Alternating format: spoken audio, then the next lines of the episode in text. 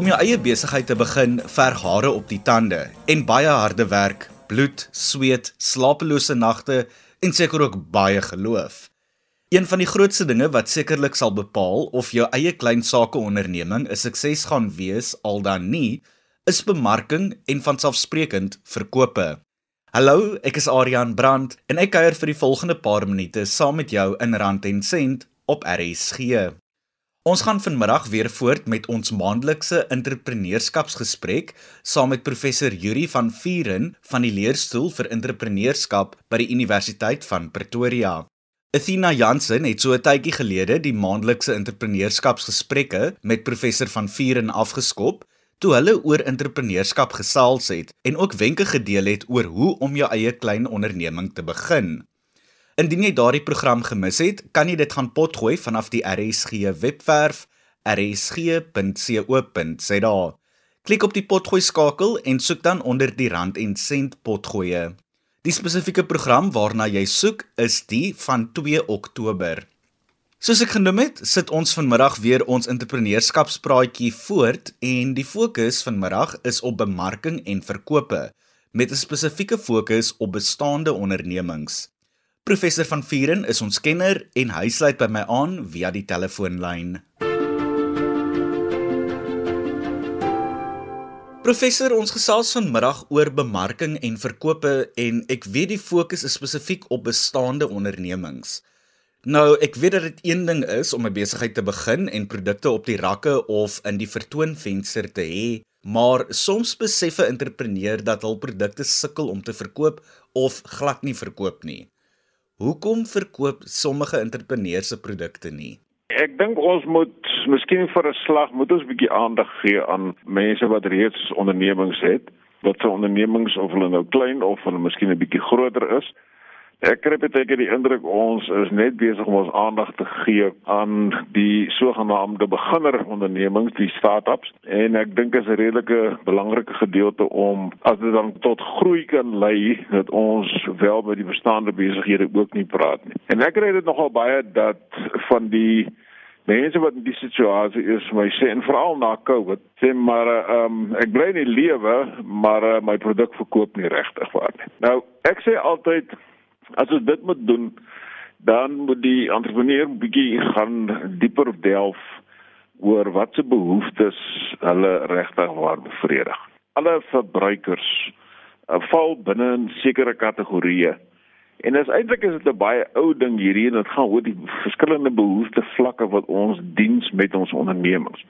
As jy 'n uh, kleinhandelaar is, dan is jy eintlik besig om basiese behoeftes te bevredig soos kos, klere en wat om te drink. As ons praat van jy's in die konstruksiebedryf, dan is jy besig om te kyk eintlik na mense se sekuriteitsbehoeftes. En as jy kyk na alle interaksie wat daar is met familie, vriende, dan is ons besig om eintlik mense se sosiale behoeftes te bevredig. En dan is daar behoeftes wat ons almal weet, voet mense hou daarvan om geprys te word vir hoe goed hulle is of vir dis 'n spesifieke behoefte wat hulle van hulle kant af het. En dan ek dink jy daar's 'n beter manier om dit uit te druk om te sê dat mense wil geregtig waar hulle wil goed voel. Hulle wil sê dat jy maar ek dink jy die aktualisasie bereik want ek wil graag dis soos met ander woorde opleiding om dit te gaan doen en ek dink partykeer raak van die entrepreneurs nie heeltemal duidelik oor watter behoeftes hulle eintlik regtig bevredig nie.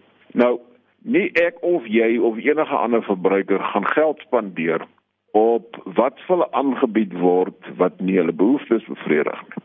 So as daar nie behoefte is nie, dan word daar doodgewoon geld gespandeer nie. So die oomblik wat ons kan regkry om die regte behoeftes aan te spreek van mense, dan kan ons verwag dat hulle bereid is om hulle geld te spandeer. Ek het al agtergekom dat entrepreneurs het 'n spesifieke gedagte Hulle sê maar ehm um, ek kan hierdie aanbied.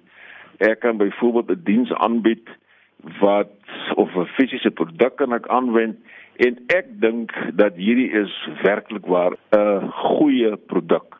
Ek is trots op my produk. Ek dink almal het hierdie produk nodig. Nou dit is ongelukkig nie waar nie. Die persoon met die geld, die verbruiker, of die kliënt maak die reëls En hulle sê dit is waar ek my geld gaan spandeer en jy kan hulle nie dwing nie. Jy kan nie vir hulle sê nie jy moet maar gaan bepaal watter behoeftes het hulle. Um, ek gaan vir jou probeer om 'n praktiese voorbeeld te noem op hierdie stadium in terme van my wêreld waarin ek leef. Um, my wêreld waarin ek leef bied ek klomp kort kursusse aan. Ek bied aan die mark aan vir konsultasie vir klein besighede en ek weet dit is belangrik. Dis belangrik om vir daai argument 50% van die mense op te lei in entrepreneurskap sodat ons minder werkloosheid kan hê. Dit weet ek en ek dink ek het 'n baie goeie produk. Maar daar is hoop mense wat dit nie dink nie. Hulle is van jou saamstem, ja, dis 'n goeie produk. Ek het dit nou gehad met met met met 'n onderhandeling wat gehad het in die Ooskaap. Hulle dink dit is 'n baie goeie produk en hulle wil graag wil hulle die produk hê. Maar hulle is nie lus om betaal daarvoor. Vir die eenvoudige rede voor dat hulle is net eenvoudig nie oortuig daarvan dat dit gaan hulle besighede laat groei nie. Nou, dit maak ek die punt dan om te sê dat jy prima wat is eintlik werklik maar die behoefte. Daar's maniere om oor dit te oorkom. In my geval is daar maniere om dit te oorkom. Jy kan miskien 'n borg kry. Jy kan 'n ander besigheidsmodel hê.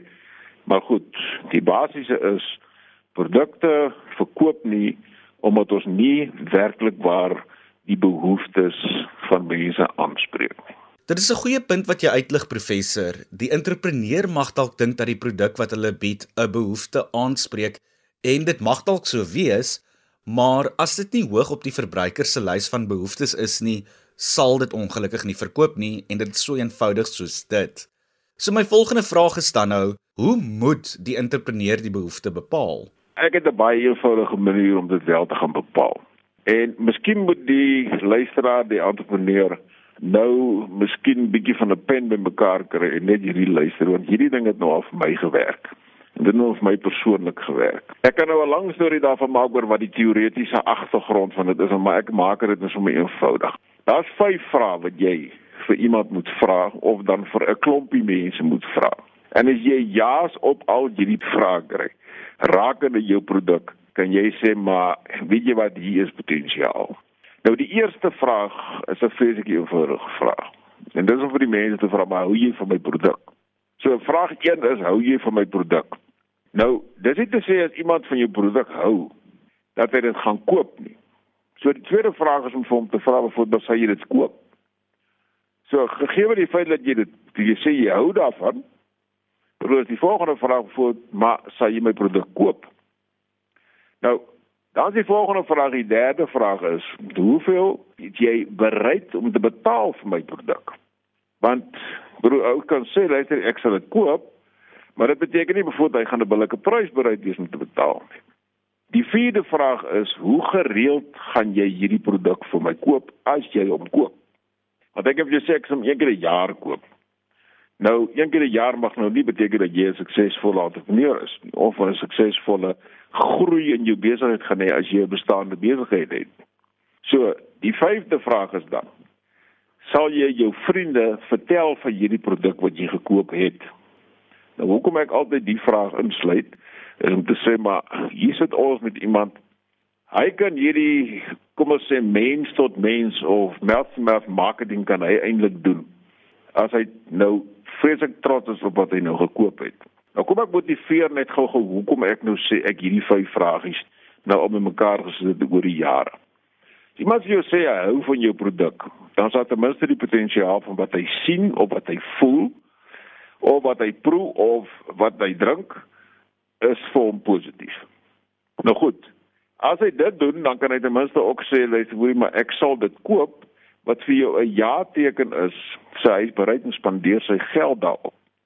As hy vir jou ja gesê het op beide die vorige en hy sê vir jou luister, hoeveel hy gaan koop en hy sê goed, wie wat ek sal dit koop so een keer 'n kwartaal dan kan ons begin om 'n som te maak. Dan kan ons sê luister, ons hierdie ou sal ons kry en hy kan dit moontlik dit vir ons doen. En éventueel kan ons miskien begin sê, "Right, ek vra R200 vir my produk." Hierdie ou sê luister, hy sal dit miskien van sy kant af hou daarvan. Hy sal dit koop en van sy kant af as hy bereid om betaal R100, hy gaan dit 4 keer per jaar koop, so miskien kan ek as ek 'n ou kry, kan hy R400 spandeer by my. Hoe gereeld sal jy dit koop? Want as ons dit weet, mag dit beteken ek en jy, as ons op hierdie stadium as ons gaan na een van die klein handelaars toe in terme van kos, ons koop elke dag by hulle. So Dit beteken vir hulle, hulle het lae marges, maar hulle het redelike hoeveelheid omset. En daarom te sê hulle is oor die vir alles wat gaan oor produkte waar daar jy die behoefte bevredig wat ek vroeër genoem het van selfaktualisasie. Dis net omdat ek is trots op die ding wat wat wat, wat ek gekoop het. Kyk net hierdie ding wat ek gekoop het. En as mense trots is op wat hulle gekoop het en as hulle spog met wat hulle gekoop het, dan het jy hulle eintlik het jy hulle ingebind binne in die verkoop. So ons kan met eenvoudige maniere. Nou vra mense my maar hoeveel mense moet ek mee praat? Ek sê as jy met 50 ouens gepraat het en 50 ouens het vir jou gesê ja, dan dink ek het jy 'n redelike kans om van jou kant af te sê maar ek kan hierdie nuwe ontwikkeling of nuwe produk kan ek as bestaande besigheidsman of vrou kan ek tot by kom ons sê inkomste strome voeg en hulle kan van hulle kant af kan hulle dan verwag dat daar is die moontlikheid om geld daar te investeer. So uh, ons het nou van die vyf kernvrae gehoor wat entrepreneurs behoort te vra oor hul produkte. Maar professor, my vraag is dan nou dit: vir wie moet die entrepreneurs hierdie vrae vra? Dit klink vir my asof dit vir familie, vriende, Jan Alleman, ander entrepreneurs, moontlike kliënte ensovoorts kan wees of hoe? Ek is baie vra dit want ons is baie keer is ons 'n bietjie huiwerig veral bevoed om ons familie daan te toets of ons vriende daan te toets wat my betref die deursnee persoon wat jy kan bepaal as 'n individu wat um, mag belangstel in die produk kan uit die aard van die saak uit deel word van hierdie gesprek. Eindelik in wat nou volg daaruit. Ehm um, die hele verkoopsproses as jy dit begin verkoop, dan gee dit ons 'n hele 'n uh, uh, indruk van die mense wat ons kan insluit. Maar ek dink ons moet vir die luisteraar prakties wees. So vir hulle prakties wees en sê luister, goed, hier is dit wat ek van my kant af nou wil hê. Kom ek sê ek het jy 'n restaurant. En in die restaurant wil ons 'n paar uitbreidings doen in terme van wat op die spyskaart is. En dan sê vir onsself, maar jy weet wat? Hierdie gaan 'n redelike investering verg vir my. Ek gaan 'n nuwe stuk toerusting moet koop. Ek gaan al daai tipe van goedjies gaan ek moet doen en dit gaan 'n klomp geld vir my kos voordat ek dit op my spyskaart kan byvoeg. As jy mense reeds daar het, en dan ek praat mense wat besteen bestaande besighede het, dan moet jy dit gaan toets aan die mense. En sê luister jy goed, hier is wat ons wil hê, gee dit dan as 'n voorsmaak vir van die kliënte wat daar is. En sê dat jy gee my julle terugvoer. Vra die vyf vrae vir hulle. Hier het julle dit nou nou kan julle dit gaan vir dieselfde gaan dit bijvoorbeeld vir klere ontwerp Dit gaan dieselfde gaan dit bijvoorbeeld soos in my dienste bedryf bijvoorbeeld vir opleiding. Hou julle van hierdie onderwerpe binne in dit? Wil julle graag hierdie ding doen? Bro, hou jy van dit? Sal jy dit koop? Sal jy bereid wees om te betaal daarvoor?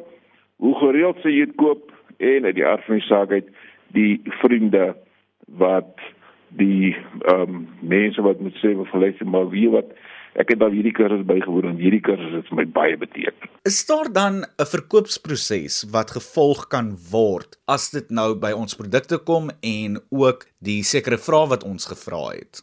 Ja, dis 'n ding wat eintlik nou aansluit by wat ons nou hier sê, want nou moet jy met sekere mense, moet jy nou soos ons nog gesê het, jy moet met hulle gaan gesels. En kan ek net opmerking hier maak vir wat ek wil hê die bestaande besighede en selfs voornemende entrepreneurs moet miskien net onthou. En hierdie is 'n ding wat ondervinding my sommer net geleer het terwyl dit gedoen het. Ons moet net 'n ding onthou. Die verbruiker met wie ons werk, en dit sluit ons ook in. Die verbruiker met wie ons werk, voel hulle koop nie goed nie. Hulle koop nie goed nie. Hulle koop nie dinge nie. They don't buy things. Hulle koop wat die goed vir hulle kan doen. Dan word dit dit maak nie saak nie. As jy 'n persoon is wat jy sê luister hoor ek wil van my kant af wil ek die volgende hê. Dan moet ek iets kry om dit te doen. Ek wil van punt A na punt B wil ek hê en ek, dit moet my ding wees. Dan moet jy vir jouself 'n voertuig koop. Ja, nie fyner nou hands kan dit gebeur. Dat ons sê luister ons gaan nou van ons kant af gaan ons ehm um, die detail begin kry oor hoe vinnig en hoe groot en hoe luks wil jy ry. Maar mense koop nie dinge nie, hulle koop dinge vir hulle kan doen. Nou dit het 'n implikasie. En die implikasie daarvan is as jy dit verkoop en ek kan dit nou ongelukkig kan ek dit nou nie hierdie woord kan ek nou in ons mooi taal Afrikaans sê nie. But sell the sizzle and not the steak. Jy verstaan wat ek sê? Stel the sizzle, not the steak. Anderswoorde, mense wil dit wat die ding vir hulle kan doen. Hulle wil daai ding wil hulle graag hulle um, geld op spandeer. Nou, koop 'n rok, 'n vrou en sy koop die rok, nie so vir so vir die rok nie. Dis hoe die rok gaan wat lyk. So, dit is wat ek probeer sê met om dit te doen. Nou, hier is 'n proses. Hierdie proses begin en as jy nou iets wil operabelig sê die vervolmaakte proses van hierdie kan kry, dan dit 'n proses wat baie baie effektief toegepas word in die versekeringsbedryf. Ehm um, waar hierdie ding begin met 'n eerste proses en ek wil vanaand hierdie die proses neem. Die eerste stap in hierdie proses is om te sê lys hoe hierso, maar kom ons gemaak 'n lys van moontlike moontlike kliënte. Ons moet net net doodgewoon prospekteer. Dan moet begin prospekteer, maak 'n lys van hierdie spesifieke hoeveelheid mense. As jy 'n lys het en ons sê lys ons maak 'n lys van 30 ouens wat ons dink Dit maak nie saak weet dis nie familie, vriende, kennisse, ehm verskaffers, mense wat wie ook al betrokke kan raak. Sê lys jy maak 'n lys van hierdie mense. Dan prospekteer jy. Die volgende stap is om hierdie mense te nader. Maar dis 'n nadering bevoed om te sê lys hoe kan ek met jou 'n gesprek voer hieroor. Jy hoef nie met die hele sak patats daar in te val en ou sê vir julle, okay, stop, stop, stop, stop. Nee, nee, dis nie wie wil hê nie. Jy het net 'n uh, toenaderingsgesprek met hierdie persoon. As jy die deur oopgemaak het dat jy die ou kan sien is dit die derde stap, dan benader jy hulle werklik. Maak 'n afspraak, jy gaan sien hulle en jy gaan vra die vyf vrae. Al vat dit jou 10 minute, dan moet jy dit doen. En kan ek ek hierdie sê, as jy 'n groeiende besigheid wil hê, dan is daar 'n rasio wat werk en dit het vir my gewerk. En dit werk nog steeds vir my. En dit is jy moet ten minste 3 mense per dag moet jy kontak. Twee gaan sê nee, een gaan vir jou 'n gesprek gee. En jy het oor die jare gewerk. Daar's 'n resep in die versekeringsbedryf, jy kan met enige versekeringsou praat. Dis presies wat gebeur. Stap 4 is jy doen 'n sekere kom ons sê verduideliking of 'n demonstrasie. En deel van dit kan wees hierdie vyf vragies wat ons vroeër gevra het. Mense gaan van jou kant af. Dis die volgende stap. Gaan hulle van jou verwag om sekere besware te hanteer. Nou, jy weet so goed as ek iemand kom na ons toe en sê hy sê moenie by jou nou dan 500 rand uitgee vir hierdie en dan jy sekere besware. Bro, almal het besware, dis mos nou maar hoe dit is. Vir bro, iemand kom na my en sê dis hoe hierdie ding doen, dan sê ek nee man, ek het nie dit nou nodig nie. Maar nou, daar's mense met werklike sogenaamde kom ons sê ehm um, besware wat lê. Maar daar's baie mense wat doodgewoon miskien nie heeltemal verstaan nie. So daar's ook 'n paar goedjies daar. Jy moet die werklike rede kry. Jy moet empatie hê met hierdie persoon wat sê hy het 'n kom ons sê beswaar hierteen. En dan moet jy hierdie sogenaamde besware moet jy kan hanteer. En dan moet jy vir hulle sê maar ek kan jou beloof hierdie ding wat ek nou vir jou gesê het, dit is nie 'n storie nie, hierdie is werklikbaar. Is hierdie ding. En ons gaan nie altyd suksesvol wees nie. Dan gaan dit daaroor voort, ek gaan 'n snaakse ding nou vir jou sê, dan moet ons hierdie doel, hierdie hierdie spesifieke proses moet ons afsluit deur die deal wat ons het te close. En ons sê luister ons doen dit. En dan mag nou weer word om te sê luister hoor hier sommer wat is die werklike kruks van hierdie saak? As jy klaar jou saak gestel het en dit mag net snaaks vir jou klink, maar dan bly jy stil. Want dan is die besluit in die hand van die voornemende verbruiker of in die ander voet. En wie jy suksesvol is, dan moet jy uit die aard van die saak uit moet jy opvolg of 'n nadiens hê en met mense gesprek voer daaroor. Professor, ons het nou redelik in diepte gesels oor een belangrike vorm of een belangrike aspek van bemarking en ek wil amper sê dit is 'n kombinasie van proaktiewe bemarking deur die entrepreneur as ook mond-tot-mond bemarking. Watter ander forme van bemarking is daar om te help dat produkte sal verkoop? Kom ek sê vir jou, so kyk die maklike manier of die maklike antwoord wat ek nou vir jou gesê is om te sê luister, jy stig vir jou Facebook page byvoorbeeld begin vir jou en sê luister jy het Instagram of wat of jy het Pinterest of jy whoever voor dit maak nie saak nie, dis heeltemal reg. Uh, maar die sosiale media is die goedkoopste.